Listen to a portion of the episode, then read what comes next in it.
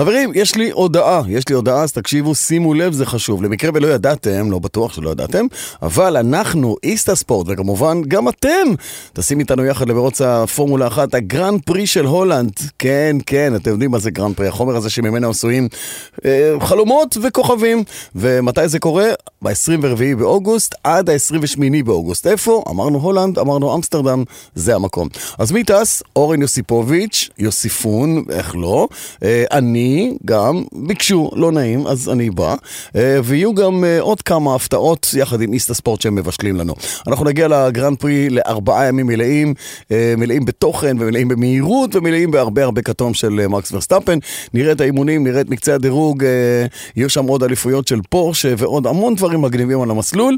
אנחנו נשוט ביחד בסירה בתעלות של אמסטרדם, תהיה גם הרצאה, או אפילו יותר מהרצאה אחת. אה, נקליט פרק בלייב של הפודיום אה, על הגרנד פרי, ומעל הכל, כמובן, המרוץ, המרוץ עצמו. אז הלינק לחבילה יחכה לכם בתיאור הפרק, תוכלו למצוא אותה גם בכל חשבונות ה social שלנו, וכמו תמיד, גם להתקשר 03-777-5460. קיצר, אני מתרגש. נשמע לי כמו חוויה מטורפת. יאללה, בוא, אל תגיד, תבוא. יאללה. בוא. יופי, טוב, אז אחרי הפתיחה הזאת והמהממת בכתום של הגרנד פרי של הולנד, אה, ואחרי אות הפתיחה היפה הזה שלנו, הנה אנחנו כאן בפרק חדש של דרייב מבית הפודיום. קינן כהן, וואלה, מה העניינים? הכל מושל... איך עבר הצום? הכל. אה, לא, יש עוד צום, מה זה? לא, לא. יש עוד. מלא צום, מלא צומות. כל שנה יש. כן, כל. שנה.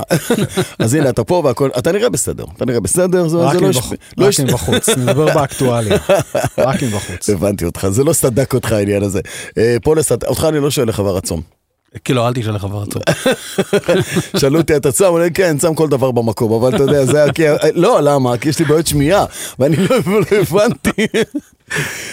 טוב, אה, בוא- בואו נתחיל, מה שלומכם באמת? קצת אקטואליה, מה עשית עוד רגע לפני הצום, ו- ומה חווית? האקטואליה שלי מאוד מעורבת. יש אקטואליה עצובה, אקטואליה מכעיסה, Mm. ואקטואליה מעניינת. האקטואליה העצובה היא שנפרדנו שבוע שעבר מעיר האבני. נכון. אה, כן. נהג מרוצי השטח הכי טוב בארץ. אה, רע לנשק, שירתנו יחד ביחידת המילואים, ויותר איי. מזה, חבר טוב ובן אדם מדהים.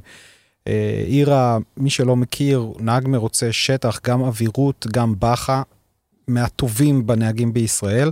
אה, מעבר לזה, גם מכונאי בחסד, היה מדריך המון יחידות אה, מיוחדות. אם, אם יש יחידה מיוחדת שרצתה לבנות משהו ברכב שטח, הלכה לעיר האבני, ועדיין היה גם בן אדם שקיבל טלפון בשבת בשש וחצי הבוקר ממישהו שנשבר לו עכשיו הגיר במעלה ג'חרי, והוא הולך ומחפש לו גיר ונוסע אליו, ומחליף לו בשטח, ואם לא, אז מקפיץ אותו הביתה, ואז חוזר לתקן. פשוט איש זכיתי, זכיתי אה, לפגוש אותו בהרבה, בהרבה הזדמנויות מהקשר שלי לספורט המוטורי וגם לשדר מרוצים שבהם הוא השתתף, שבדרך כלל היו או מרוצי אווירות או מרוצי קרוס קאנטרי כאלה מהירים אה, ותמיד, תמיד, תמיד זה אותו איש צנוע שלהוציא ממנו משפט עם יותר מארבע מילים אתה באמת צריך איזה קונגו מאוד מאוד רציני. אה, קבוצה נפלאה, יורם אישה הלך איתו שנים לבניית הרכב, רכב אולטרה פור, רכב ש, שלא ראה מ- מסנטימטר. אה, מכוניות אחרות בארץ כן. או כלי רכב אחרים בארץ, הוא היה בסטנדרט אחר לגמרי, ו... והלב נשבר. כן, אובדן. גדול. זה היה, זו האקטואליה העצובה. המאוד עצובה שלי. כן. אה, האקטואליה המעצבנת היא דיון שנערך השבוע בוועדת הכלכלה, אה, שאני חושב שכבר לגמרי אפשר לשנות לה את השם לוועדת הכלכלה בקוף, בקוף, כן. כי אם הם עוד פעם התחילו להתעסק בקרקס המטופש הזה של התקנה שמחייבת אה, אמצעי למניעת שכחת ילדים במכוניות. עכשיו, למי שלא יודע, אם אתם מסיעים במכונית שלכם ילד עד גיל 4, החל ממרץ 2021, בלי המערכת הזאת, אתם עבריינים. עבריינים שעוברים על תקנה 82 או 84 ד' או משהו כזה, 250 שקל, 4 נקודות. העניין עם התקנה הזאת, שהיא התחילה כפארסה והמשיכה כבדיחה עצובה כל כך, כי היו את כל הסימנים למה הסיפור הזה אסור היה לו בכלל להיוולד. אני חשבתי שהמציאו כבר אה, מכשיר כזה, קוראים לו הורים, או שכל, או אולי חיבור בין תראה, הורים לא ושכל. אנחנו לא נשפוט אף לא, אחד לא. שהטרגדיה מי הזאת פוגשת לו, אותו, אבל... הצלקת תהיה בליבו לעולם. אבל העניין הוא שברגע שהמדינה מגיעה ולאורך כל הדרך מרימים שלטים שמסבירים להם למה זה לא נכון לעשות את זה. מהרמה של אה, המכשירים עצמם עד הרמה של התקינה שלהם ואיך בודקים את זה והמשטרה אומרת... ואיך אנחנו- אוכפים את זה. המשטרה אומרת אנחנו לא יודעים לאכוף דבר נכון. כזה אין לי, אין לי איך לבדוק את זה. אז, הוא, אז היום בזה האריכו את התוקף של התקנה הזאת ואמרו שזה ייבדק בטסטים והחבר'ה של משרד התחבורה מסתכלים לצדדים אותם חבר'ה שכבר עשו פליק פלקים שהסבירו למה צריך את המערכת הזאת כשמירי רגב העלתה אותה הפעם הראשונה ואז הסבירו למה לא, לא כל כך צריך את המערכת הזאת כשמרב מיכאלי אמרה שלא צריך את המערכת הזאת ואז חזרו להסביר למה חייבים את המערכת הזאת כשמירי רגב חזרה למשרד התחבורה אז אותם אנשים יושבים ומתפתלים ואומרים תשמע בטסט אין איך לבדוק את זה, כי, כי הקיום של המערכת הזאת הוא אם הילד נמצא במכונית. אז אמרו להם, טוב, אז שכל מי שיש לו ילדים בגיל הזה, בטסט יצטרך להציג את המערכת. ואם הדוד מסיע את הילד, נכון. או לצורך העניין, ואם המערכת באוטו של האבא... קיצור, בכניסה למכון טסטים אחד עם אה, מערכת כזאת, משכיר אותה לחמש שקל. לא, כן. לא, לא, תגיד, ואם זה חברות ליסינג שלוקחות אה, עשרות אלפי מכוניות, ואם זה חברות השכרה לא, שלוקחות מלא מכוניות, באחריות, הנהג. החיוב הוא לא לנהג, הוא לא למכונית, הוא לנהג. וגם נכון. על זה הצביעו, אז מה הוא יעשה? עכשיו, מה יעשה תייר שבא עם ילדים? סיפור, מה, מה יעשה? מה סיפור? מטופש לגמרי. מה עושה תייר ישראלי שנוסע לחו"ל ויש לו ילד שצריך להיות בבוסטר? או שהוא מביא את הבוסטר מהבית, או שהוא את את הבוסטר, הבוסטר. לא, אבל מה יעשה הבן אדם פה? זה לא, תקשיבו, זה, אנחנו, אנחנו כבר, אנחנו בקיצור, זה מתעסקים בלתי כאילו ב- הדבר ב- הזה. ביישום של תקנה שהיא פשוט, זה בדיחה, זה כאילו פרק של כן אדוני השר, או פולישוק בגרסה על זה- על זה. נאמר, אה, אבן אחת שנזרקה על הבאר, ממש ככה. די. די, די, תפסיקו לקלקל כל דבר טוב, מישהו צריך לעשות פה קופה, אה, מקורב אוקיי. למישהו וזה, אגב, די, די. אה, אתה- לא, אתה בעניין? אתה שם? כאילו, לצערי לא, אה, לצערי לא, אוקיי. אני-. שאתה הצעת את המכשיר אני לא הזה. אגיד משהו שאני לא יודע, אבל מה שאני כן יודע, זה שאת הדיון הזה היום, הוא היה בעקבות בקשה של כמה חברי כנסת. כמה חברי כנסת. ואז עברתי על הפניות שלהם ליושב ראש הכנסת, כי זו הפרוצדורה, ואני פתאום קולט משהו מוזר. כל המכתבים של איזה ארבעה, חמישה זהים. חברי כנסת, זהים, זהים. מילה במילה. עכשיו, כשארבעה, חמישה חברי כנסת מגישים מכתב זהה מילה במילה, אתה יודע שמישהו מישהו אחר כתב. את המכתב הזה, אמר להם, עכשיו אני לא רוצה לחשוד בכשרים, אבל... לא תחשוד בכשרים, אני לא חושב שיש שם כשרים אבל, בבניין אבל הזה. משהו פה עקום לגמרי, ואני גם, אה, אם יש מישהו שיש לו אינטרס לדחוף את זה קדימה, אני גם מבין את זה, כי רגע לפני שאישרו את, ה, את החוק הזה בהתחלה, היו יבואנים הצטיידו שהעמידו בכמויות. כמויות עצומות של כן. המערכות האלה, אז הם עלו בין 300 ל-500, אפילו 650 שקלים למערכת. ברגע שהעסק הזה ירד מסדר היום, המחירים צנחו ל-150 שקלים, היום אתה יכול לקנות את המערכת הזאת ב-66 שקלים. אז uh, מישהו פה מאוד מאוד דחוף לו שהדבר הזה ואתם יודעים. מה, אתם יודעים מה, אני אומר פה משהו שבמחשבה, אה, נסו להיזכר, האם שמעתם הקיץ על מקרה כזה? עד כן, עכשיו, נכון כן, לסוף יולי? כן, כלומר, התשובה היא כן. כמה מקרים? לא זוכר, אבל שני אה, שניים או. שלושה מקרים. לדעתי. כן, לדעתי זה הרבה פחות ממה שהיה בשנים עברו. לא יודע, אני יודע שזה לא, יכול לקרות זה- לכל אחד. א', זה יכול לקרות לכל אחד. כל מי שחושב לי זה לא זה יקרה, יכול לקרות לכל הוא אחד, בקבוצת הסיכון. ואני אגיד לך, גם מי שאין לו ילדים, זה יכול לקרות לו לבעל חיים שהוא לוקח איתו נכון. ברכב, ועוד כל דבר כזה. אז, אבל, אבל, ובלי להקל ראש חס וחלילה בסערה שתיפול מראשו של ילד או ילדה, או בעל חיים, אה, או שזו המודעות, או שזה מזל, או ש... זה מזל, הר- מזל, יש בועז, ירידה, מזל. יש ירידה בדבר הזה. בועז מזל. אה, ואנחנו מזל, בקיץ, מ- ואנחנו בקיץ הכי חם פה ever. אין, אין, כל כך, אה, מזל. אין כל כך ירידה, עסק די קונסיסטנטי, זה סדר גודל של שניים או שלושה עד מקרי סוף- מוות בשנה, שהם טרגדיות בועז, ענקיות עד כל סוף אחת. הקיץ, עד סוף הקיץ, חס וחלילה, לצערנו, חס וחלילה. עד סוף הקיץ, שני, שני ילדים ילכו לעולמם כתוצאה מזה שההורים שכחו אותם באוטו. העניין זה, הוא, זה, זה אין מה לעשות, אה, זה יש מה לעשות. זה ההורים שצריכים להיות עם מודעות, אבל, אבל הטרגדיה זו טרגדיה אמיתית. זו טרגדיה, זו טרגדיה. טוב, הדור- האקטואליה השלישית הקצת- שלך, בוא, דיכאת אותנו לגמרי היותר עכשיו. נעימה, בסדר, נרים קצת. כן, בוא נחייך טיפה. יצא לי לנהוג במאזדה 6 אה, 90 או, החדש. יפה, אני צריך לקבל אותו בקרוב. ותשמעו, ספר. העניין הזה של, אה, אה, אפשר להגיד משפט בכל מיני דרכים. זאת אומרת, אני יכול להגיד את אותו משפט. המשפט שאני הולך להגיד עכשיו, קרוס אובר של מזדה ב-400 אלף שקלים. ואני יכול להגיד אותו, קרוס אובר של מזדה ב-400 אלף שקלים? עם סימן שאלה, ואני יכול להגיד אותו, קרוס אובר של מזדה קרוס- ב-400 אלף שקלים. קרוס אובר של מזדה ב-400 אלף שקלים עם סימן שאלה וסימן קריאה, ואני כן. יכול להגיד, קרוס אובר של מזדה ב-400 אלף שקלים, סימן קריאה. אמ, אני חייב לציין, אני עדיין לא יודע איזה מהם לשים שם, אבל אני יכול להגיד לכם שסימן שאלה וסימן קריאה, זאת אומרת הפליאה, היא כבר לא במקום.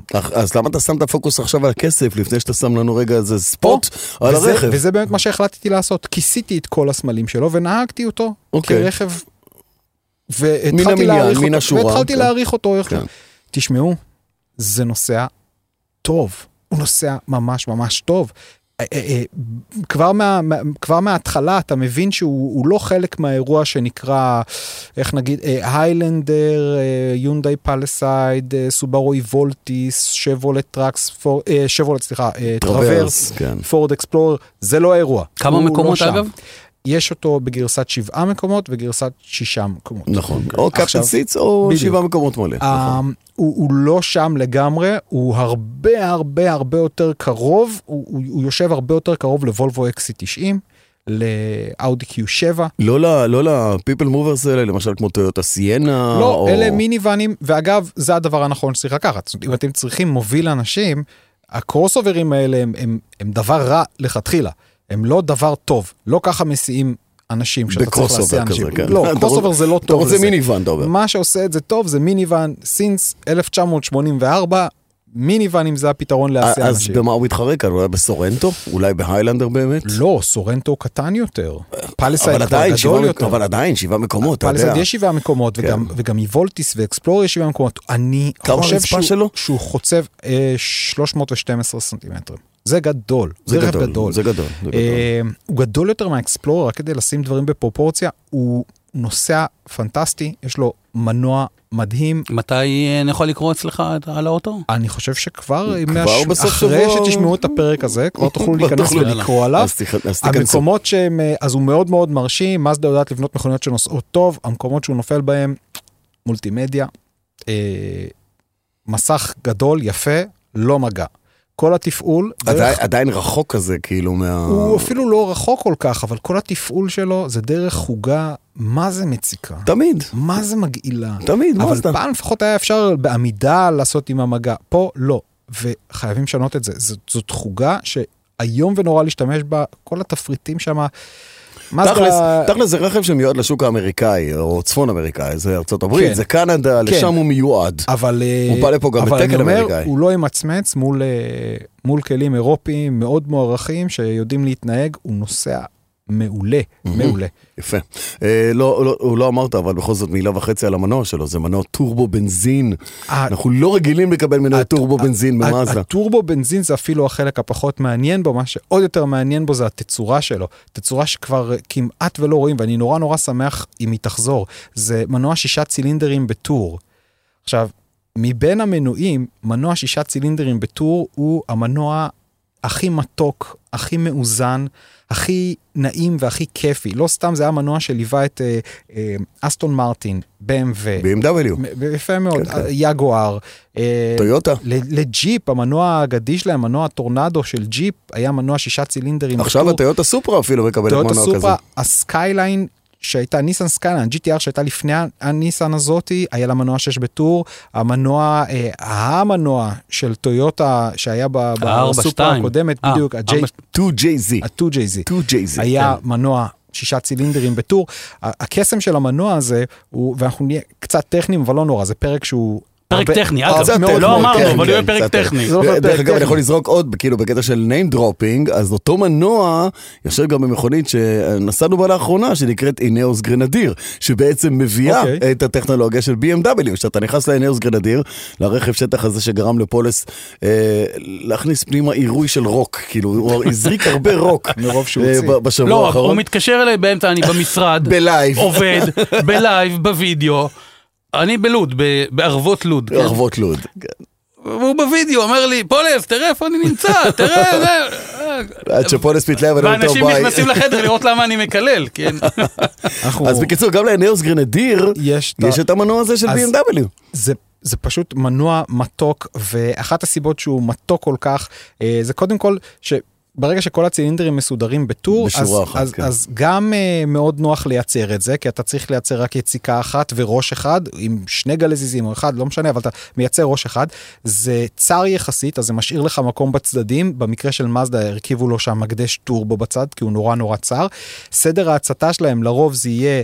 אה, סדר הצתה זה הסדר שבו הצילינדרים מציתים מאחד את השני ומזיזים את הבוכנות, זה יהיה 1, 5, 3, 6, 2, 4, אז אתה תמיד מייצר לעצמך איזושהי רציפות, רציפות, כוח נכון, מאוד מאוד נעימה, וזה פשוט... עכשיו, אחרי כל השמות אוקיי. האלה, אחרי כל השמות האלה אחד- שזרקתם, רגע אחד, לפני שהוא מתעלף- פה מאושר. אני אגיד, לפני שזה כל השמות של המכוניות של הגרוטאות האלה שזרקתם, כן. אני רק אגיד שלטויוטה לנד קרוזר האמיתי, לא הטויוטה לנד קרוזר פרדו, הלנד קרוזר האמיתי, מנוע 4, 2, 6 צילינדר בטור, אה, דיזל יכול להגיע, גם של BMW הוא כזה דיזל. מנוע, כן. מנוע, פשוט, זה מנוע, כאילו כשאומרים מנועים של מיליון קילומטר, אז במיליון קילומטר המנוע עוד לא נפתח, כמו שהחבר'ה אומרים. נסיים את ההרצה. משהו, אשכרה, זה מטורף. טוב, פולס, אה, בוא נעבור לאקטואליה שלך. אני מקווה, אבל אני מקווה, אני שם לך היא סטופר. האקטואליה כן. שלי תהיה קצרה, כי ידידי תמר, היא עדכן אותי או, היום. עדכן אותי היום, כי שאלת אותי מה כתוב פה למעלה, אז כתוב ההימורים שלנו לסוף שנה, עד סוף החודש הזה יימסרו בארץ, אנחנו ביולי, סוף יולי. סוף יולי, עד סוף יולי, 200 אלף מכוניות. עלינו עד סוף ב-30 אלף, ב-20 אלף בעצם. אנחנו עכשיו נמצאים על 193 אלף מכוניות, אוקיי. סתם כאנקדוטה, מתוכן 10,000 BYD אטו 3. יפה מאוד. אז זאת האקטואליה שלי. בסדר, רק אה, ייאמר פה שקנן אה, ניחש שבסוף השנה יהיו 280, אני ניחשתי שיהיו 270, ואתה ניחשת שיהיו 320. זה אנחנו. עוד חזון למועד, אה, הכדור בדולח שלנו. זה- כל האקטואליה שלך? חוץ מזה, בטלת במזגן, לא עשית חוץ כלום? מזה לא עשיתי כלום. טוב, אה, אז אני קיבלתי לנסיעה את המרוויל R, שכבר פגשת, אה, ובכוונה בחרנו ללכת עם המכונית עם ההנאה האחורית בלבד, ולא את היקרה יותר, עם המנוע השלישי, יאמר שיש לה שני מנועים מאחורה, ועוד מנוע שלישי מקדימה למי שבוחר את גרסת ההנאה הכפולה. אה, לא מצאנו כל כך מתחרה למכונית הזאת, כי היא יושבת באיזשהו מקום באמצע. כלומר, היא גדולה מ... BYD, היא גדולה מ... אה, גיאומטרי C. היא גדולה מ-MG4, היא גדולה מרוב המכוניות החשמליות המשפחתיות הרגילות, אבל היא קטנה מסקייוול, היא קטנה מכל האחרות היא קטנה. מסקייוול? כן, כן, היא קטנה. יש לה, יש לה רצפה של 280-05, כאילו. אוקיי. אוקיי, אז בין סקייוול לגיאומטרי C ול-BYD, רגע, אבל בין לבין יש אז אה, מכוניות כמו סקודה אניאק, כמו לא, כמו טסלה מודל לא, Y, לא, כמו לא, איוניק 5? לא, לא, אוקיי. ביוניק 5 רצפה 3 מטר, אה, טויוטה BZ4X רצפה 285, אין לה. אין לה מתחרה, היא יושבת על 2,805, זה הרצפה שלה. אז אמרנו, טוב, אם היא כזאת, שהיא לא גדולה כמו ולא קטנה כמו, היא יושבת באמצע בין, בואו נדבר על כסף. אז בכסף היא עולה 206 אלף שקלים, לפני כל התוספות רישוי בלה בלה בלה, שהם לא הרבה, אה, או 205,888, כמו שהסינים מאוד אוהבים כן. את הסיום הזה, ו... וב-value for money, אחלה מכונית. אבל אז מבחינת מחיר וממדים חיצוניים, לא פנים, היא כן קרובה מאוד לאיוניק 5, מתחילה ב-213 אלף שקלים. 214, אם אני לא 214. טועה. הרפורמה מתחילה ב-205 אלף שקלים. אה, היוניק זה הצגה אחרת, בוא נקרא לזה ככה, אוקיי? זה סרט אחר, זה, זה בוקסה שונה. אה, אתה יודע, כמו EV6, אתה גם לא אומר היוניק מול EV6, למרות שאתה יודע שיש להם אה, הרבה תנאים דומים או הרבה מערכות זהות. אז פה, במכונית הזאת יש 180 כוח סוס, ואז תהינו, האם 180 כוח סוס במכונית חשמלית עם שני מנועים מאחורה זה מספיק כן או לא? התשובה מה- היא כן. מה המומנט שלה? 41 קגם.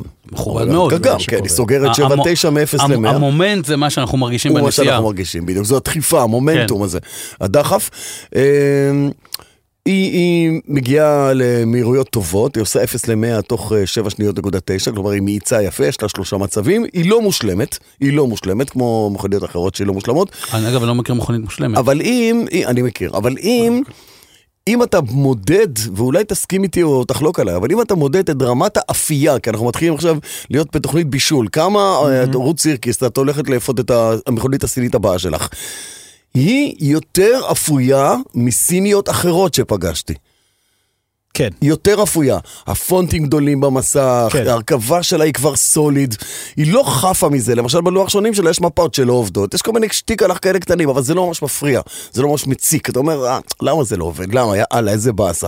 אבל היא יותר אפויה מסיניות אחרות שפגשתי. תגיד, יצא לך להיתקל בזה שאתה נוסע ברכב שהוא נורא נורא מיוחד, הוא נורא נורא יוצא דופן, אבל אנשים כבר כאילו לא... רבועים כן, לחלוטין. הם רבועים לגמרי מכל מבול הדגמים והמותגים החדשים שלא כל כך מתעכבים. אף אחד לא מעיף מבט. האמת, לא, לא, האמת היא שבמרוויל אר כן, לא, תראה, זה לא הייתה איזה מסובבת ראשים אולטימטיבית, אבל כן, אנשים פתאום, רגע, מה זה הקופסה הזאת? והיא גם באה באיזה צבע מיוחד כזה, הופה. אז זה קפץ להם. אה, אז זה היה בשגרה, והמכונית אה, בסך הכל טובה מאוד, ואני חושב שהיא value for money בסדר. הייתי שמח אם היא הייתה יותר זולה, מה לעשות, כמו כל דבר בחיים. אוקיי. אבל הנה, בדיוק היום העלו את מחיר התחבורה הציבורית, עומדים ל... 12 אחוזים יותר, נסיעה בתוך העיר בישראל עולה 6 שקלים. הייתי ביפן, נסיעה בתוך העיר בטוקיו, כמה עולה? באוטובוס? חצי. חצי. שקלים, כן. שלושה שקלים. שלושה שקלים בלי הגבלה, זה היה מיליון תחנות כאילו. אה, בסדר. אגב, אה, אמרת לא, גם אוטו, פה אמר- אתה יכול לנסוע בלי הגבלה בתוך 90 דקות, אבל... אה, כן, עם הרב-קו. אה, דיברת על מכוניות שהן מושכות תשומת לב, אז אה, היה לי בסוף שבוע, לקחתי את הסקודה אניאק קופה.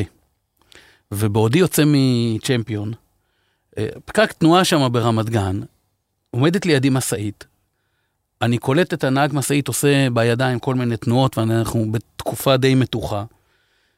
בן אדם פותח את הדלת, יורד מהאוטו, ואני כולי נדרך. איזה דרמה. אני נדרך. רגע, עומר, עוד- יש לך פה תופים או משהו דרמטי לשים פה ברקע? איזה מוזיקה דופק לי? על החלון, ואז אני קולט דפיקות לב כאלה. אני קולט בזווית של הפרצוף שלו, אני קולט מבט. שחצי מחייך כזה, ואני פותח את החלון. הוא אומר לי, אחי, מה זה האוטו הזה? עכשיו, אנחנו בתוך פקק, הבן אדם עזב את המשאית, הוא יורד ממנה. הוא אומר לי, אחי, באיזה צבע? מה זה? המשאית הייתה בצבע אדום. לא, שלך. סעיד של פרארי.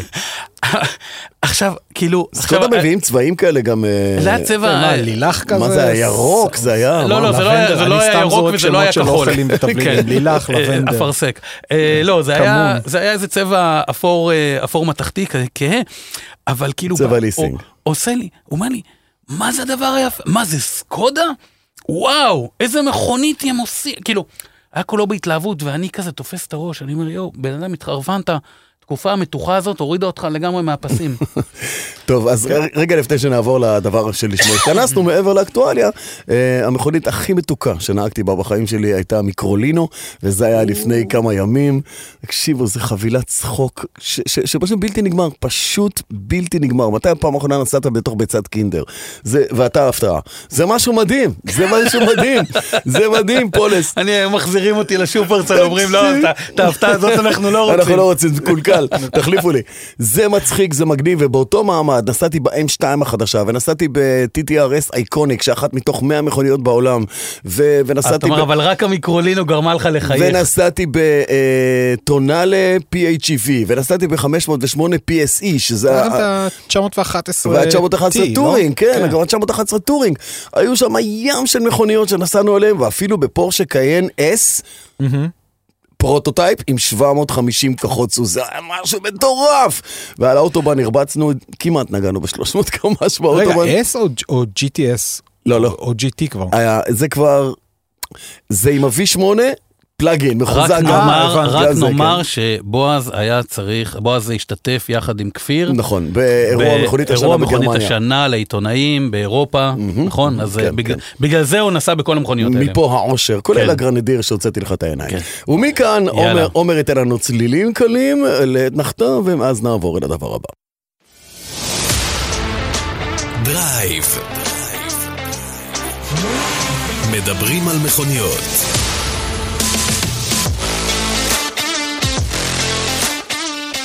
טוב, רגע, בואו ניקח הפסקה קצרצרה כדי לספר לכם, המאזינים שלנו, על השותפים אה, מכלמוביל, יבואנית הרכב הגדולה בישראל, שמייבאת את יונדאי, מיצובישי, אורה, מרצדס וג'נסיס. וכלמוביל מתאימים את עצמם לכל לקוח ולקוח, כי כל אחד יש לו את הסיפור האישי שלו ואת הצרכים הספציפיים, אם זה עבורו או אם זה עבורה. אה, אם אתם רוצים לחסוך כסף וליהנות אה, מרכב יד ראשונה, בסטנדרט הגבוה ביותר, כלמוביל trade in יציעו לכם מגוון רכבים איכותיים, עם אחריות מבית היבואן למותגי הבית שלהם. תוכלו ליהנות מגב חזק של חברה ותיקה ואמינה, עם שירות איכותי שהוא נקודת המוצא של החברה הזאת, ויש לה גם חבילת טיפולים, אבזור ועוד הטבות ייחודיות שרק הם יודעים לתת. בקיצור, הבנתם, גמישות זה שם המשחק בכלמוביל, אז חייגו כוכבית 3005, וסעו לשלום, המפתחות בפנים. מי צריך מפתחות היום? אתה לא צריך מפתחות, אתה בא לוחץ ופה, הדלת וזהו. נפתחת, כן. יאללה, בוא נמשיך. דמיינו אה, מכונית צעצוע שבה שני הגלגלים או, או, או, או סרן ששני גלגלים מחוברים להם יחדיו בחיבור קשיח אחד. זאת אומרת, בסרן קשיח אין בו כלום באמצע, שניהם מסתובבים כל הזמן. ככל שהציר מסתובב, ככה הגלגלים שני מסתובבים. הגלגלים מסתובבים באותה מהירות כל הזמן. נכון. עכשיו, קחו את הצעצוע הזה שלכם וסובבו אותו על, ה, על נייר, על, ה, על, על שולחן, סובבו אותו על נייר. הגלגל הפנימי יעשה דרך קצרה יותר מהגלגל החיצוני, חיצוני. החיצוני נכון? עכשיו, אם אנחנו משליכים את זה על רכב, אם הגלגל הפנימי, אנחנו מכל הזמן מסתובבים עם האוטו. אם הגלגל הפנימי עושה דרך שונה מהגלגל החיצוני, או סליחה, גלגל ימין עושה דרך שונה מגלגל שמאל, אם לאורך זמן זה המצב, או מישהו מהם צריך להחליק כדי לפצות על הבדלי המהירות, על הבדלי הדרך הזאת, ואם לא יהיה משהו שיפצה אותם, זה יישבר. כן. זה או- פשוט יישבר. נכון. כי, זה, כי זה צריך, כי הם י- לא יכולים הוא- להסתובב באותה מהירות. הוא, ייג- הוא ייגרר פשוט, אם כל הזמן אתה פונה ימינה למשל, אז הגלגל השמאלי החיצוני פשוט ייגרר, הוא יישחק, הצמיג יישחק, נכון. זה- והגלגל בעצמו ייגרר הצידה. מה- זה לא יעבוד, יישבר. אז מה- מה- אז מה הקסם? שנייה, אז מה הטריק? ואז, ואז הכניסו בין שני הגלגלים, בין, בתוך הציר הציר, הקדמי, כן. בין גלגל, בין גלגל ימין לגלגל שמאל, דבר שנקרא דיפרנציאל. הדיפרנציאל הזה מאפשר עדיין לקבל תנועה, אבל הוא מאפשר הבדלי מהירות בין הגלגלים. כלומר, הגלגל הפנימי שאתם מסתובבים יעשה דרך קצרה יותר, הגלגל החיצוני יעשה דרך ארוכה כן, יותר. אבל, זה, אבל השאלה מה תהיה המהירות של הגלגל. ה- לא הדרך, בהכרח הדרך זה לא. ברור. לא, בהכרח. אם שני ה... אה, אם, ד- אם, גל, אם גלגל אחד עושה דרך קצרה יותר, וגלגל אחד עושה דרך ארוכה יותר, אז זה שעושה את זה- הארוך, צריך להסתובב יותר יותר. מהר. צריך להסתובב זה יותר ברור. מהר. עכשיו, אוקיי. אותו הדבר בדיוק, אותו הבדל בדיוק קיים בין הסרן הקדמי לסרן האחורי. כלומר, אותו סרן קדמי, למעשה אם תיקחו אוטו צעצוע ותסובבו אותו על אה, נייר, למעשה יהיו לכם, ות, ומה שנקרא, אם תצבעו את הגלגלים בצבע שיוריד, תוכלו יהיה לכם לראות את זה. רואים את זה שלושה, כל הזמן, שאתם רואים אה, נגיד רכב שנוסע על חול או על שלג ומשאיר אחריו שני עקבות. פסים, נכון. לא לא שניים, ארבעה. ארבעה. כל ארבעה פסים. גלגל של האוטו יעשה אחר. דרך שונה. נכון. ויעשה דרך שונה, אם הוא עושה דרך שונה והאוטו מגיע לאותו מקום בחתיכה אחת, סימן שגם המהירות שלהם, של כל אחד מהגלגלים שונה. ואז באו והמציאו מה שנקרא דיפרנציאל, יש דיפרנציאל קדמי, שנותן לשני הגלגלים הקדמיים את החופש, כל אחד לעשות את הדרך שלו, ודיפרנציאל אחורי, שנותן לכל אחד מהגלגלים לעשות את הדרך שלו, ובנוסף, יש דיפרנציאל באמצע, בין שני הסרנים, שמאפשר את ההבדל, את הבדלי המהירות. ככל שמדובר ברכב עם הנעה כפולה. כן, כן, כן, אם לגמרי, אנחנו מדברים על רכב עם לגמרי. הנעה כפולה. אגב, אם הרכב עם הנעה קדמית, אז מן הסתם הגלגלים האחוריים הם פשוט נגררים וזה הם לא מעניינים אף אין להם אחד. תפקיד חוץ מאשר אה, להיגרר, כזה. יפה. עכשיו, אה, זה מה שנקרא, הכי קווים כלליים, מה זה דיפרנציאל? יש ביוטיוב סרטון הדרכה מדהים של הצבא. האמריקאי. של הצבא האמריקאי בשחור לבן, מעולה. תקשיבו, תפתחו לא, יוטיוב. אני, אני ראיתי איזה סרטון, דרך אגב, עם צעצוע, ממש צעצוע, לא צעצוע אפילו אמיתי עם צורה, עם צורה של מכונית, אלא פשוט ארבעה גלגלים, עם אה, משהו שמחבר ביניהם, ואז הוא מראה, הוא מראה בדיוק את מה שעכשיו תיאר יואב, יש- על... אז זה נכון, הסרטון הדרכה של, ש- בשחור לבן ביוטיוב הוא פשוט מושלם. תחפשו אה, How different, differential works או משהו כזה, תקבלו את זה. סרטון שחור לבן שנראה ישן, זה. עכשיו, אה, כש... יואב, דבר איתי, כן. אבל דיפרנציאל הוא טוב לנו בהמון המון מקרים, ויש מקרים או. שאפס פחות. יפה. עכשיו יש מקרים שבהם אנחנו לא רוצים שהדיפרנציאל יעבוד, אנחנו רוצים לבטל אותו. חלקית או לגמרי? לגמרי. אוקיי. למשל, עכשיו, דיברנו עכשיו על רכב עם הנעה קדמית או הנעה אחורית, עכשיו בואו נדבר רגע על רכב שטח, רכב 4 על 4. רכב על 4 על 4, כלומר 4 על 4 זה ארבעה גלגלים מניעים את הרכב. מקבלים את אוקיי. ההנע בעת ובעונה מה, אחת. מה, אה, מהמנוע, דרך הגיר, לגיר, דרך נכון. תיבת העברה, נכון. אה, ארבעה גלגלים מניעים את האוטו. תיאורטית, במצב של דיפרנציאלים פתוחים, כלומר שהם עושים את מה שהם צריכים לעשות, אם גלגל אחד יהיה באוויר, אין לו התנגדות בכלל. אמרנו איפה שתהיה לנו פחות התנגדות, הגלגל יסתובב יותר מהר, נכון? הגלגל החיצוני, יש לו פחות התנגדות, הוא מסתובב יותר מהר. אם יש לי גלגל אחד באוויר, תיאורטית, עכשיו אותו גלגל באוויר יסתובב בלי סוף, ושלושת הגלגלים האחוריים, האחרים, לא יסתובבו בכלל. למה? כי ככה זה, ככה זה מהותו של הדיפרנציאל. גל, הדיפ, הגלגל שיש לו פחות התנגדות מסתובב יותר מהר. זה, אפשר להסביר את זה בצורה נורא נורא אה, ציורית ופשוטה. תחשבו על הכוח שזורם מהמנוע אל הגלגלים כ, כעל מים. מים הם זורמים לאן שקל להם, לאן שנוח להם לזרום. תמיד. הכוח זורם מן המנוע, הוא זורם ממש כמו מים, הוא תמיד יחפש איפה הכי קל לו להגיע. איפה יש וברגע- פחות התנגדות. כן, וברגע שמצב כמו שיואב תיאר, כאשר הרכב עם שלושה גלגלים עם אחיזה, או שני גלגלים עם אחיזה ושני גלגלים באוויר, הכוח פשוט יזרום לשני הגלגלים שהכי קל לו להגיע אליהם, הם ימשיכו להסתובב באוויר.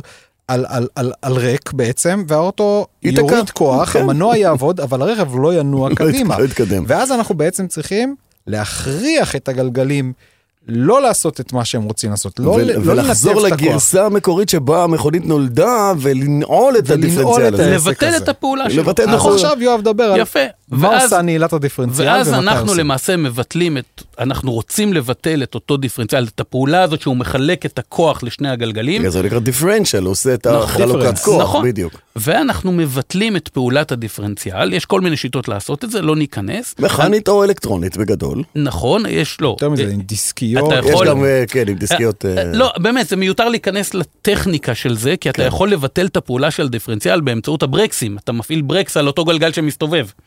אתה מפעיל עליו... לא ניכנס לזה.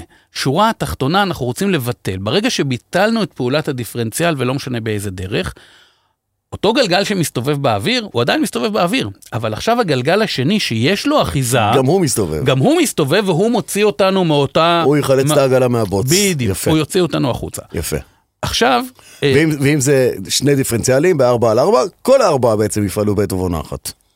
נכון, זה- כן. כן, אם כן. יש לנו שני דיפרנציאלים. עכשיו, יש המון שיטות לעשות את זה, אה, באמת, מכני ו- ו- ו- ואלקטרוני ובאמצעות הברקסים, יש המון המון שיטות לעשות את זה. שוב, מה שצריך להבין אה, בעולם הזה של הדיפרנציאל, זה שכשאנחנו על כביש, אנחנו חייבים דיפרנציאל פתוח. אגב, קינן כבר מחייך. לתנועה חלקה ונעימה. קינן מחייך. ולפעול יש דברים, ולהסתובב. יש דברים שנכתבו בברזל, מה שנקרא. כן, כן. יצאתם, עוד פעם, אנחנו נוסעים בשטח, יצאתם מהשטח, אתם חייבים לחזור למצב של נהיגת כביש. זה אומר שהדיפרנציאלים שלכם פתוחים. אחרת, אתם תתחילו לנסוע, בהתחלה הגלגל קצת יחליק, באיזשהו שלב כנראה שה... הדיפרנציאל שלכם יישבר, כי הוא לא בנוי לעמוד בעומסים האלה. במקרה היותר גרוע אתם תתהפכו. זאת עוד אפשרות אם תהיו במהירות גבוהה מדי. אמ, אז זה בגדול, מי ששאל על דיפרנציאל, כן. דיפרנציאל נועד אבל לאפשר... זה, אבל זה, זה, זה ראשיתו, זה תחילתו של נכון, הסיפור. נכון. עכשיו אני מוביל לאדוני, אוקיי. שיסביר מה זה דיפרנציאל מוגבל החלקה. אוקיי. אוקיי, כי משתמשים כי- כי במינוח באמת הזה אנחנו. דיברנו על זה בהקשר של היונדאי i20N, אם אני לא למשל, טועה. כן, אה, אוקיי. למשל. אז ככה. אז יואב תיאר באמת בהתחלה מצב של מכונית רגילה שנוסעת בכביש וצריכה לפנות, כל גלגל מסתובב בקצב אחר, ולכן צריך שיהיה ביניהם גם הבדלי מהירויות. ואז יואב דיבר על זה שנוסעים בשטח, ואני רוצה את כל הגלגלים שימשכו את המכונית ביחד ויעזרו לה להתקדם, בלי שגלגל אחד יהיה באוויר ויסתובב. וכשיוצאים מהשטח לבטל את זה ולחזור להיות מכונית כמובן. רגילה. יש סיטואציה שלישית, שבה אנחנו נעשה שימוש במה שנקרא דיפרנציאל מוגבל החלקה. על איזו החלקה מדובר? יפה. קודם כל בוא תסביר. אם נחזור לעניין הזה שכוח זורם מהמנוע לגלגלים והוא זורם כמו מים, הוא ילך לאן שנוח לו. ועכשיו אני מגיע עם המכונית, וזה יהיה בדרך כלל במכוניות ספורטיביות, עוד מעט אני אסביר גם למה שם זה נורא נורא חשוב, למה זה מאפיין מאוד מאוד חשוב של מכונית ספורטיבית. כאשר אני מגיע עם המכונית הספורטיבית שלי לפנייה, מפנה את ההגה, ועכשיו הגעתי לשיא הפנייה, אני רוצה לחזור לגז ולהאיץ החוצה. כאשר הכוח ירד מהגלגלי, מהמנוע אל הגלגלים, וכאשר אנחנו עדיין בפנייה, עובד כוח צד על המכונית. כוחות הצד שעובדים על המכונית גורמים בעצם לגלגל החיצוני של הפנייה, שעליו נשען משקל המכונית, לאחוז יותר את הכביש. הגלגל הפנימי לפנייה הוא בעצם נהיה קל יותר, כי יש עליו פחות משקל. כאשר אני אחזור לגז, והכוח זורם כמו מים לאן שקל לו, הוא יזרום לגלגל הזה שיש לפנימי, עליו לפנימי. את פחות המשקל, זה, לגלגל לא- זה, הפנימי. זה, זה לעולם ככה בפנימי חיצוני, או שהם יכולים גם להחליף תפקיד, כי לפעמים הפנייה לצד שני. כלומר, הגלגל- העומס, שה- שהגלגל שציינת, אמרת עכשיו העומס הוא על החיצוני וכולי. כן. יש גם אה, מצבים שהעומס הולך אל הפנימי, ואתה פונה ימינה ו- ויש איזה שיפוע או משהו כזה. אה, אה, זה צריך להיות לא, כוחות- מאוד... אה, כוחות- כוחות צנ- צנטריפוגליים כן, יהיו כאלה שזה תמיד... אבל, מה קורה שאתה עובר למשל בתוך פניית S כזאת, שהיא לא איזה פנייה אחת, המשקל- עובר- העברת המשקל המשקל עובר מצד לצד. המשקל עובר מצד. לצד. אז המערכת דינמית לשני הצדדים. כן, כן, אבל בפניות S אנחנו נדיר מאוד שבמעבר בפניית ה-S אני אהיה על, הגז, או לפחות ברמה כזאת. אבל, אתה תחזיק אותו קבוע, אבל עוד כאילו. לא הגענו. לשם, כרגע אוקיי, רק. תיארנו את, הסיטואציה שיוצרת לנו את הדילמה. כן. וברגע שהכוחות עובדים על הצד, הגלגל החיצוני אוחז יותר, הגלגל הפנימי אוחז פחות, אני מתחיל להזין את הגז, ובשלב מסוים אין מה לעשות, ילך יותר כוח לגלגל הפנימי הזה והוא יתחיל להסתחרר, כי אליו הולך יותר הכוח. ואז מה שאנחנו נעשה, אני אלחץ על הדוושת המצערת, כי אני רוצה יותר כוח, אבל הוא, עוד פעם, הוא ילך על פרש, הוא ילך על גלגל שמסתבסב לו עכשיו, ולא בעצם מושך אותי, לא מאיץ אותי החוצה מהפנייה. ולכן התחילו לשלב מערכת שנקראת דיפרנציאל מוגבל החלקה. שוב, לא ניכנס כאן למה מגביל את ההחלקה שלו ואיך זה עובד טכנית, אם זה יהיה מכני, אם זה יהיה אלקטרוני, אבל ברגע שהמערכת הזאת מזהה הפרשי מהירויות שחורגים מערך מסוים בין הגלגלים, היא בעצם מייצרת חיבור בין הגלגלים האלה ומאלצת את הכוח להגיע גם לגלגל החיצוני, איך המערכת, לגלגל איך, האוחז. כן, איך המערכת אה, יודעת שיש הפרשי מהירויות? אז לפעמים, אז אנחנו נכנסים פה ל- לא, לטכניקה. חייש, זה חיישן, אז זה, אם זה זה מה? אלקטרוני, כן. זה יהיה חיישן. לרוב יעשה שימוש במידע שיש לו מחיישני ה-ABS או, או חיישנים אחרים שנמצאים בגלגל. אה, הוא לא ממש לפעמים- מודד את מהירות הסיבוב של לפעמים הגלגל? זה יהיה גם, גם חיישן כזה. וואו. אבל, ולפעמים זה, זה יהיה משולב עם איזשהו, עם איזשהו חיישן אה, ג'יירוסקופי, ש, שיודע להגיד, כי זאת הזווית של בעומס המכונית. מסוים. וזה- זווית מסוימת, וזו כן. המהירות של המכונית, ולכן אנחנו צריכים להכניס כזאת כמות של נעילה, כי הנעילה יכולה לנוע מנעילה חלקית לנעילה... אני... מודה, אני לא מכיר מכוניות שהנעילה מגיעה למלאה, מלאה, מלאה, מלאה, כמו שעושים בשטח, כי... כי אז לא ישרת כל כך את המטרה. אבל ברגע שה, שזה מזהה את ההפרשי המהירויות והם עולים על ערך מסוים והוא מחבר בין הגלגלים, אני בעצם מאלץ כוח לעבור לגלגל, החיצון, לגלגל החיצוני לפנייה, שיש לו יותר אחיזה, ובעצם אני יכול לדחוף את המכונית החוצה מהפנייה. אה, אם זו מכונית הנעה קדמית, אז נהדר, אני יכול למשוך את עצמי החוצה מהפנייה. ו- ולא להיקלע- לא לתופעה של תת-היגוי. תת כי אם לא- לא תעשה את זה- ייגרם, תראה, תת היגוי בגדול לא ייגרם מזה שהגלגל הפנימי כל הזמן יסתחרר לי אה, בפנייה, הוא כל הזמן יסתחרר לי, לא יהיה לי תת היגוי עדיין. תת היגוי כן ייגרם אם, אם שני הגלגלים בעצם בנעילה הזאת, שני הגלגלים ידחפו קדימה, ואם הזנתי יותר מדי גז, זאת אומרת, אם לא הזנתי את הגז בתיאום עם אחיזה. ההגה, אז הכוח שעובר אז- לגלגל החיצוני יהיה כבר מוגזם, אז הגלגל החיצוני. יאבד אחיזה, אז לזה ואז. הדילמה של המכונית בין לפנות לבין לנסוע ישר כבר ת, תעלה על מה שנקרא מעגל האחיזה, 100%, ה- היא תעבור את 100% האחיזה שיש לה, ואז המכונית תחליק החוצה. זה יהיה בהנאה קדמית. במכוניות הנעה אחורית שמצוידות בדיפרנציאל מוגבל החלקה, היתרון של זה הוא שאני אוכל גם, כמו במכונית הנעה קדמית, להאיץ החוצה מהפנייה, רק שכאן נכנס עוד אלמנט. תוכל לשלוט בקשקוש הזנב? בדיוק, אם דיברנו על זה שבמכונית הנעה קדמית ברגע שזה ננעל אז האף יימשך לי קצת החוצה, נכון. במכונית הנעה אחורית כאשר זה ננעל והאחיזה תישבר, אז אנחנו נקבל היגוי יתר והחלקה. של המכונית. בגדול, אגב שתדעו, בגדול, אה, כל עוד לא נשברת האחיזה, ברירת המחדל של כל מכונית באובדן אחיזה כתוצאה מהגברת מהירות יהיה תת היגוי. לא משנה אם זה הנעה קדמית, אחורית או כפולה, ברירת המחדל תהיה תת היגוי. גם, נגענו בהתחלה במשקל, ומכוניות זה הכל משקל, אה, מכיוון שאני ממשיך להאיץ, ממשיך להאיץ, ממשיך להאיץ, כמו הגוף שלי, גם המשקל של המכונית הולך אחורה, ויש פחות משקל על הגלגלים הקדמיים, ולכן הגלגלים הקדמיים תמיד יהיו אלה שיאבדו אחיזה. אלא אם כן אנחנו באמת בהזנת כוח מוגזמת ששוברת את האחיזה של הגלגלים האחוריים ואז באמת נצא ל- להיגוי יתר ו... סחרור של כל המכונית יפה, אז. עכשיו, אז עכשיו, זה נגמר אז. עכשיו יש לי... לא, רק, רק ל- לשים את הדגש על הנקודה ההיא שהוא אמר, שזה, כל אחד מאיתנו יכול להרגיש את זה, אה, בעניין של אה, חוסר היגוי. תנו גז, כל האף של המכונית מתרומם, ואז ההגה נהיה ההשפעה של. ההגה על הגלגלים היא יורדת, היא לא נעלמת, אבל היא יורדת. כן, וה- כן, אגב, אם, יש לכם מגרש חניה ריק ואתם תוכלו ממש לחוות את זה, את שני הדברים, גם את הסחרור של הגלגל הפנימי וגם את, ה, את התת היגוי הזה, תעמדו במגרש ריק, תפנו את כל ההגה, גז עד הסוף, אתם תראו שהמכונית נוסעת יותר ישר מאשר הצידה. נכון. ואם פשוט uh, תעשו רדיוס סיבוב קבוע ותמשיכו להזין גז, להזין גז, וכל פעם להוסיף, תוסיפו חמישה קמ"ש בכל פעם, חמישה קמ"ש, חמישה קמ"ש, אתם בשלב מסוים תרגישו את הגלגל הפנימי מתחיל להסתחרר, יכול להיות שהוא קצת יצפח, אם יש בקרת יציבות נורמלית אז היא גם תתקן את זה מיד, אבל אם תבטלו את הבקרה אז אתם ת, תראו שהגלגל הקדמי מתחיל להסתחרר והמכונית לא נוסעת מהר יותר, היא מעבירה יותר כוח אבל הוא מתבזבז. הוא הוא מתבזבז, הוא עכשיו- לא- הוא לא מת- הוא אז מעלה- עשן. אני רוצה. עכשיו לשאול אותך עכשיו לחזור חזרה ל-i20N עם דיפרנציאל קדמי מוגבל החלקה. מה שאתה אומר לי למעשה זה הדיפרנציאל הזה עוזר לי לצאת מהסיבוב, אוקיי?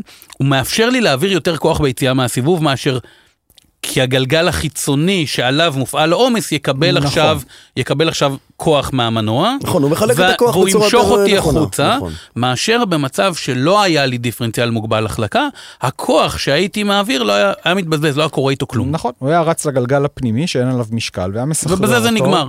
ורק ש- כאשר היית מגיע לשלב שבו אתה יכול ליישר את ההגה ושני הגלגלים מתאזנים פחות או יותר, אתה מיישר את ההגה אז המשקל של המכונית מתאזן, אז היא הייתה מאיצה לך החוצה. הבנתי, אוקיי. יפה, טוב, טוב. אז אה, תם לו פרק הסיפור אודות הדיפרנציאל, וכמו שיואב המליץ, וגם קנן, וגם אני, לכו ותראו את הסרטון הזה של אה, צבא ארצות הברית בשחור לבן, וזה יסביר את כל הסיפור. זה עיקרון כל כך... ותיק וכל כך אה, עתיק, שלא צריך להמציא אותו, לא צריך להמציא אותו מחדש, רק שכללו אותו ברמת האלקטרוניקה. שכ- שכללו אותו וכנראה כן ימציאו אותו מחדש כי אם אנחנו מסתכלים לחשמליות? על ה... כן כי אם אנחנו מסתכלים על מכוניות חשמליות שבהן יש מנוע בכל גלגל ויש כבר מכוניות חשמליות נכון. כאלה עם מנוע בתוך גלגל אה, אז בעצם לא צריך לא דיפרנציאל. צריך דיפרנציאל נכון. כי כל גלגל יודע לבד כמה להסתובב לאן- ובאיזה מהירות באיזה עוצמה וכמה אז, זה, כוח. אז זאת למעשה, זאת הנעה שנקראת IWD, Independent Wheel Drive. Uh, הדוגמה הכי טובה לזה זאת ריוויאן. uh, ארבעה מנועים על ארבעה גלגלים, אין דרי שפטים, אין את הצינורות האלה שמעבירים כוח, אין כלום. יש ארבעה מנועים, כל, מחשב, כל גלגל הוא יחידת כוח בפני עצמו. מחשב מנהל הכל, נכון. ואז אתה רואה בסרטונים של ריוויאן, וגם לכו ליוטיוב, תכתבו ריוויאן אה, סרטונים, אה, אתם רואים את הריוויאן שהוא מפלצת, אתם רואים אותו עושה סיבובים במקום, מצדד כמו טנק. על, כמובן זה על בוץ, כדי שתהיה החלקה, אבל הוא פשוט מסתובב במקום. שזה שגם- מדהים לראות את זה. אני חושב שגם הפל... הפלטפורמה של רי, אותה פלטפורמה. סקייטבורד, שהומצאה. נכון, שהומצאה ופותחה פה בישראל, גם שם יש ארבעה מנועים, נכון, בדיוק. אחד. אחד בכל פינה, עם מתלה ובולם והכל. זה הכל יח- ביחידה אחת. יחידה אחת, מה, רעיון, רעיון אה, אדיר. אה, טוב, אז כמו שאמרנו, תם פרק ה... או חלק הדיפרנציאל, בוא ניכנס לחלק הבא של הדיון הזה, שנקרא הילוך. הילוך כוח, בוא, זה אני הילוך כוח. הילוך הילוך כוח. רוורס, אבל הילוך הילוך כוח. תן. לי כוח, פולס, תן לי. כוח. אז עכשיו אנחנו נחזור למי שהקשיב ל, לדיון של לדיון לבועז, המלומד. למלומד שהיה לבועז ולי על ההיילקס GR שדיברנו, ובועז אומר אין לו הילוך כוח. לקרוא לזה ו- דיון כן. זה כמו זה- לקרוא למה שהולך בקפלן אה, כן, מחלוקת. מחלוקת, כן. אי הסכמה. כאילו, שיח חרשים רגיל. כן, עכשיו, עכשיו שתבינו את, את ההפרעה שבועז אומר לי אין הילוך כוח, ואני כזה כל האלקטרונים הבודדים שיש לי במוח, כאילו. מתחילים להתנגש אחד עם השני, וכאילו איך היילקס... ממתי הוא איבד את ה... מתי הוא איבד את ההילוך הכוח מתי זה? קרה הדבר הזה? אז היה פה באמת חוסר הבנה בין בועז לביני, למה אנחנו מתכוונים? כי התכוונו בעצם לאותו דבר. נכון. מה זה הילוך כוח? אנחנו נוסעים עכשיו עם רכב, הילוך כוח רלוונטי רק לרכב שטח, בסדר? אה, יכול להיות גם למשאיות, אבל... אין- טעם, אין טעם לרכב בכביש. כי לא, אה, גרירות, וכ- אבל עזוב, עזוב, עזוב. זה למשימות עזוב, מיוחדות. משימות מיוחדות, אנחנו מדברים על, רכב שטח. נכון. רכב שטח עכשיו נוסע, כל עוד הוא נוסע על שבילים, הכל בסדר, לא צריכים הילוך כוח. אבל אנחנו מגיעים לסיטואציות שבהן אה, יש איזושהי עלייה אה, מאוד תלולה. או אה, מעבר שבו אנחנו צריכים לנסוע מאוד מאוד לאט, אה, לדלג למעשה מסלע לסלע. וההילוך הרגיל לא, ההילוך הרגיל ה- שאנחנו רגילים לנסוע על הכביש, הוא לא, אה, אין בו טווח פעולה מספיק נוח לנו לשלוט על האוטו. ואז אנחנו צריכים משהו שלמעשה אה, מקצר את הטווח יפ- הזה. יפחית לנו את ה, את ה... י- יקצר משמעותית או יפחית את יחס ההעברה הזה בין מה שקורה במנוע, בין הסיבובים, כי המנוע מסתובב, ממשיך להסתובב באותו אותו דבר, סלד. נכון. מישהו צריך להפחית את היחס של הסיבוב של המנוע, עד שמגיע לגלגל יפה. בסופו של דבר. עכשיו, הכוח של המנוע עובר דרך תיבת ההילוכים, ומתיבת ההילוכים הולך דבר שנקרא תיבת העברה. transfer case. transfer case. יפה. ואותו transfer case יש לו כמה מצבים, ועוד פעם, אנחנו לא ניכנס ל... לא, רק ניקח את זה ברשותך לאיזשהו סלנג מקומי, מי ששמע את הביטוי ביצה. הב- לא, הביצה לא. זה מה שיש ביצה זה בסוף. דיפרנציאל. בסוף, נכון. כן. לא, אה, ביצה זה אוקיי. תיבת דיפרנציאל. העברה- לא, לא, תיבת העברה זה טרנספר. תיבת אם אתם זה- תסתכלו על רכב שטח מלמטה, אתם תראו שליד תיבת ההילוכים יש עוד מין עוד קופסה קופסה קטנה. כזאת, עוד נכון, נכון. קופסה אז אני קטנה. התבלבלתי עם הביצה, כי ביצה זה ביצה זה. לאחורי, כן, כן. נכון. ביצה זה, ביצה זה דיפרנציאל. בסדר. יש את זה גם מקדימה. כן. יש בקאקס קדמי, אתה מכיר את זה? ברור. ברור. זה, התחילו, התחילו בבקאקס קדמי, ואז היה בקאקס- ואז, זה- כן, ואז זה בקאקס אחורי. כן, ואז בוא, צריך עוד אה, ביצה ססל מאחורה, כן. בדיוק. אה, ססל אדום, ססל אדום. נכון. אדום, ססל אדום. לא. סרט סימון ססל, לבן, לבן, זה- נכון, ססל לא. לבן. אז אני אומר, יש זה, ססל ססל לבן, והגרסה המשופרת זה ססל ססל אדום. נכון. נכון, בדיוק, ססל אדום. אה, בקיצור, תיבת העברה היא זו שמפחיתה, מאפשרת לנו למעשה, עם אותם סיבובים של המנוע, לקבל הרבה יותר סיבובים של הגלגל. אי אפשר לנסוע עם זה מהר, לנסוע עם זה נורא נורא לאט. אבל... מה מה- המהירות הכי זה שקיבלת שהיית ב- בהילוך כוח? בהילוך ב-? בלא- 30 קמ"ש זה מטורף. 30-40 קמ"ש, אין מה לנסוע מעבר לזה. עכשיו, אני יכול להגיד, יש ויכוחים אה, מפה ועד הודעה אתה יודע חדשה. כמה עושה הגרנדיר? בהילוך כוח? כן. כמה? 70. למה? למה? זה מיותר. א', כי הוא יכול. לא, אם הגעת ל-70 קמ"ש, אתה לא צריך הילוך כוח. הוא יכול לסחוב אותו עד 70 קמ"ש, זה מיותר. בהילוך כוח. אולי בסיטואציה אחת. נו, גרירה? גרירה יכול להיות. רצינית. יכול להיות, נכון, יכול. ואז נכון. לגרירה כן. כן. סיטואציה בקיצור, אחת.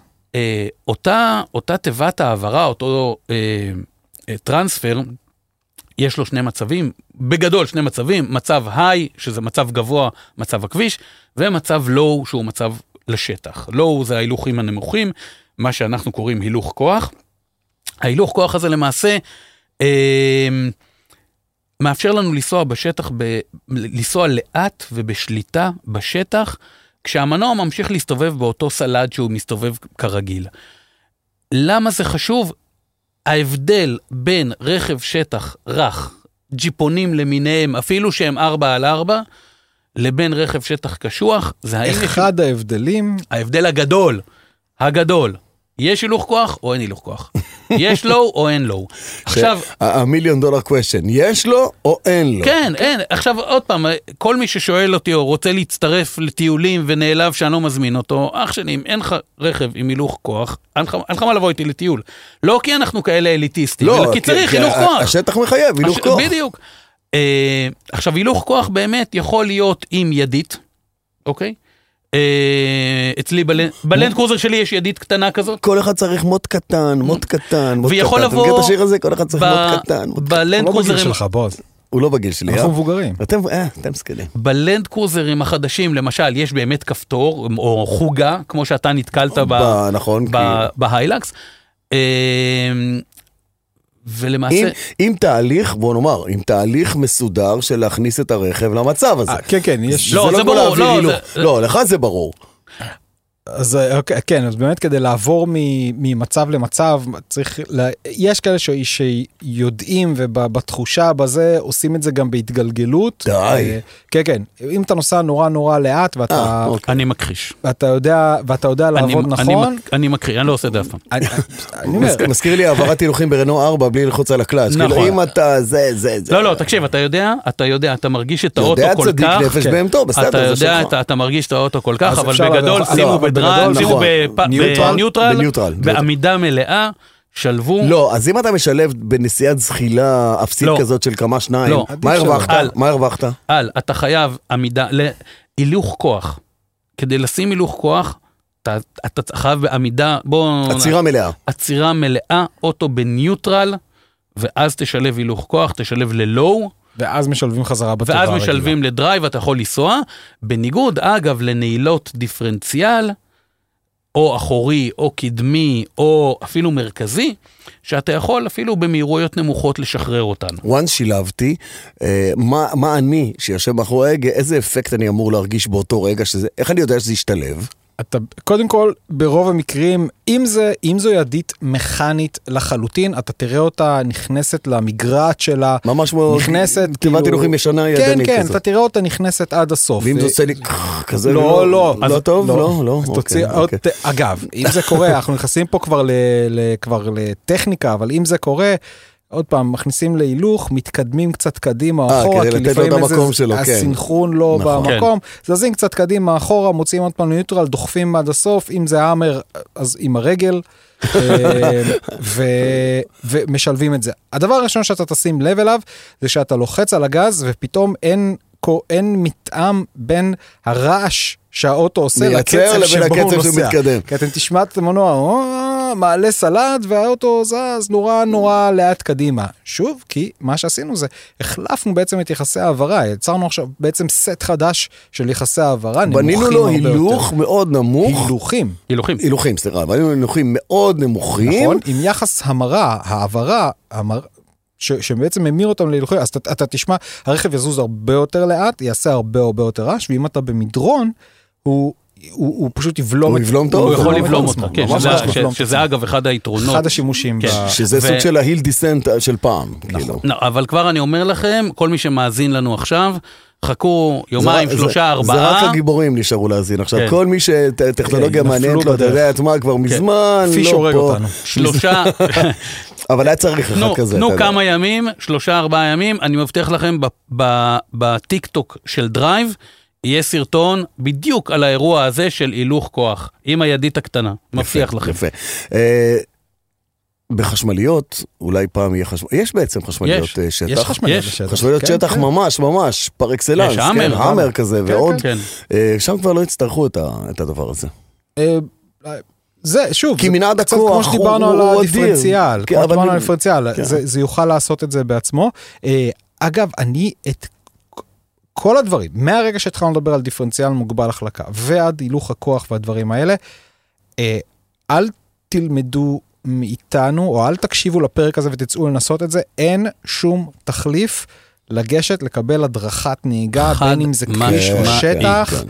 אה, זה ישנה לכם לגמרי. כל כך הרבה פעמים יצא לי לפגוש אנשים שבאים, משפרים את המכונית, שמים לו דיפרנציאל כזה, צמיגים כאלה, הגבהה כזאת, בולמים כאלה, ובסוף השיפור הכי טוב שאתם יכולים לעשות למכונית הוא לשפר את עצמכם.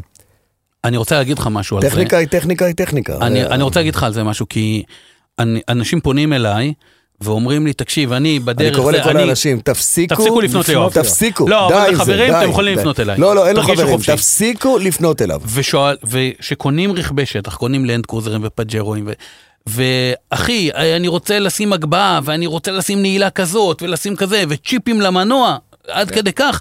רגע, רגע, רגע, עצור. אני יודע שנהגת בצבא לפני 20 שנה. אני יודע שאתה הנהג הכי טוב על ג'יפים צבאיים. אין דין ג'י- ג'יפ צבאי, רכב שטח צבאי, לדין הרכב השטח הפרטי שלך שאתה משלם עליו. ולכן, לך תעשה קורס נהיגת שטח, יש מדריכים מעולים בארץ, מעט, נכון. מהטובים, באמת, טובים, תותחים. תלמד איך לשלוט ברכב, ואז תחליט לאט לאט מה אתה מתחיל לשפר, וזה בדיוק העניין מה שאתה אמרת. הדבר הראשון לשפר זה אותך כנהג. זה נכון בשטח, זה גם חד משמעית אגב נכון בכביש. בכביש. כן. בדיוק.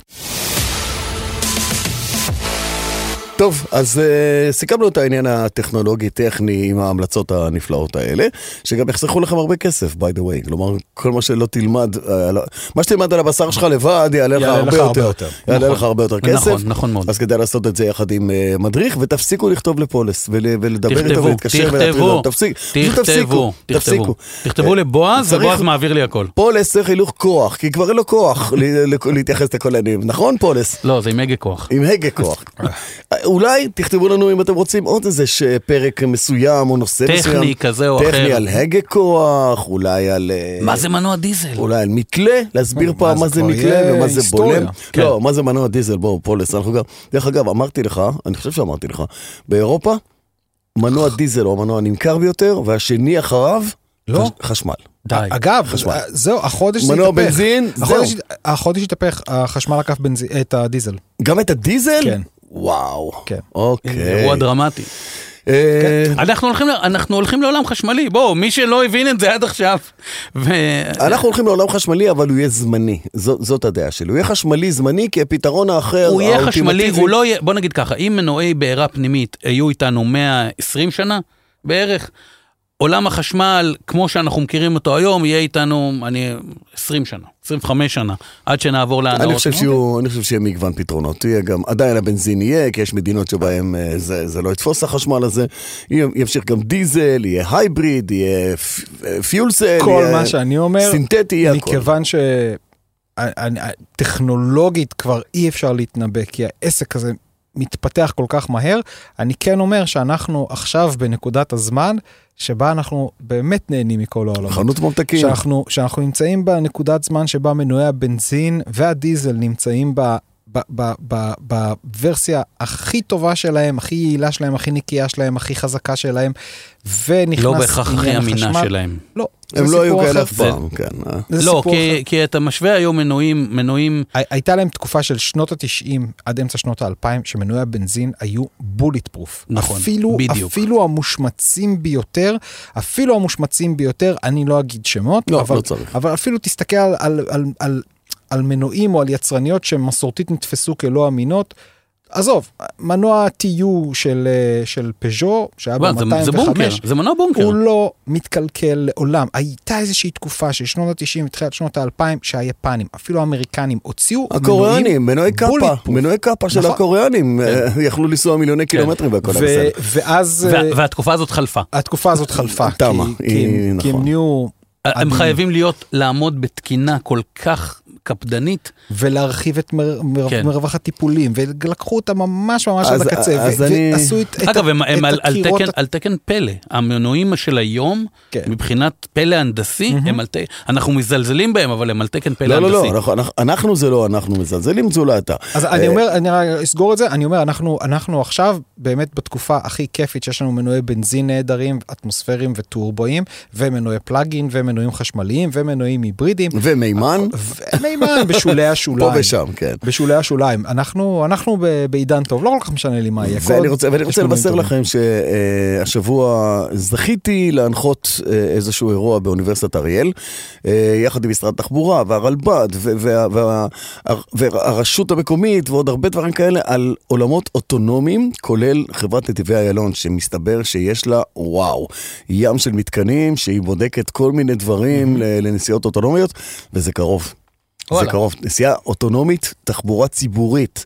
יש כבר אחד וואו. כזה שמסתובב בבית החולים תל השומר, אה, שנוסע שם, סוג של קפסולה כזאת שנוסעת ומסתובבת כל הזמן. מה, האולימפיאדה של אה, יפן, טויוטה, נכון, כבר נסע שם שאטל אה, אוטונומי. בדיוק, והם רצ- הם רצו, הם לקחו חסות בגלל האולימפיאדה הפראלימפית, לא האולימפיאדה הרגילה, לכל מיני כלים אוטונומיים כאלה שייסעו ויהיו מונגשים לנכים על כיסאות גלגלים ועוד הרבה דברים כאלה. בקיצור, בתל השומר יש, זה עובד, בקרוב גם עם בני אדם שיתחילו לנסוע בתוך הדבר הזה, והיו שם כל מיני שאלות אה, מאוד חזקות, איך אתה משכנע אנשים, ואז הוא אמר, אם אתה משתכנע לנסוע בטרמינל במדריד, כן, מה השאלה בכלל? במדריד למשל, ברכבת בין, בין הטרמינלים, אתה לא שואל כלום, אתה פשוט נכנס כצאן לטבח, אף אחד לא שואל אותך. תראה, ופתאום פה, רגע, אני אסע, אני לא אסע, זה בטוח, זה לא בטוח. אתה, אתה פותח פה משהו שלעניות דעתי, כבוד העורך, פרק שלם. ראוי, ראוי, מאוד כן, ראוי. להתעסקות יחד. של פרק ו- ולתקוף אותו מכל, ה, מכל הכיוונים. אתה מדבר על העולם הזוויות. האוטונומי. על עולם אוטונומי. העולם כן. האוטונומי. אה, טוב, אז אנחנו נגמור את הפרק הזה עם ה-head-up ל- לעולם האוטונומי, עם ה-heads-up לעולם האוטונומי. תודה רבה לכם, קודם כל, תודה רבה תודה לכם. שבאת. אה, ביקשת הזמנתי אותך, כן. ביקשת כל כך יפה, נו. כן. לא, אה, אה, קננוס, גיבור על. כמוך. אה, תודה רבה לעומר, תודה רבה לערן פיש, אה, שעשה את העבודה שלו הכי נפלא כשהוא צמוד אלינו ככה כן, כל הזמן. כן. לא ואתם, סתם את הפה אבל. ואתם, ואתם, אתם, סעו בשלום, תגיעו בשלום, תשתו מים, תתעלמו ממה שקורה בחוץ. קנן היה פה קצת, זה, תתעלמו, סעו רגיל, הכל בסדר. ביי. ביי. ביי. דרייב. מדברים על מכוניות.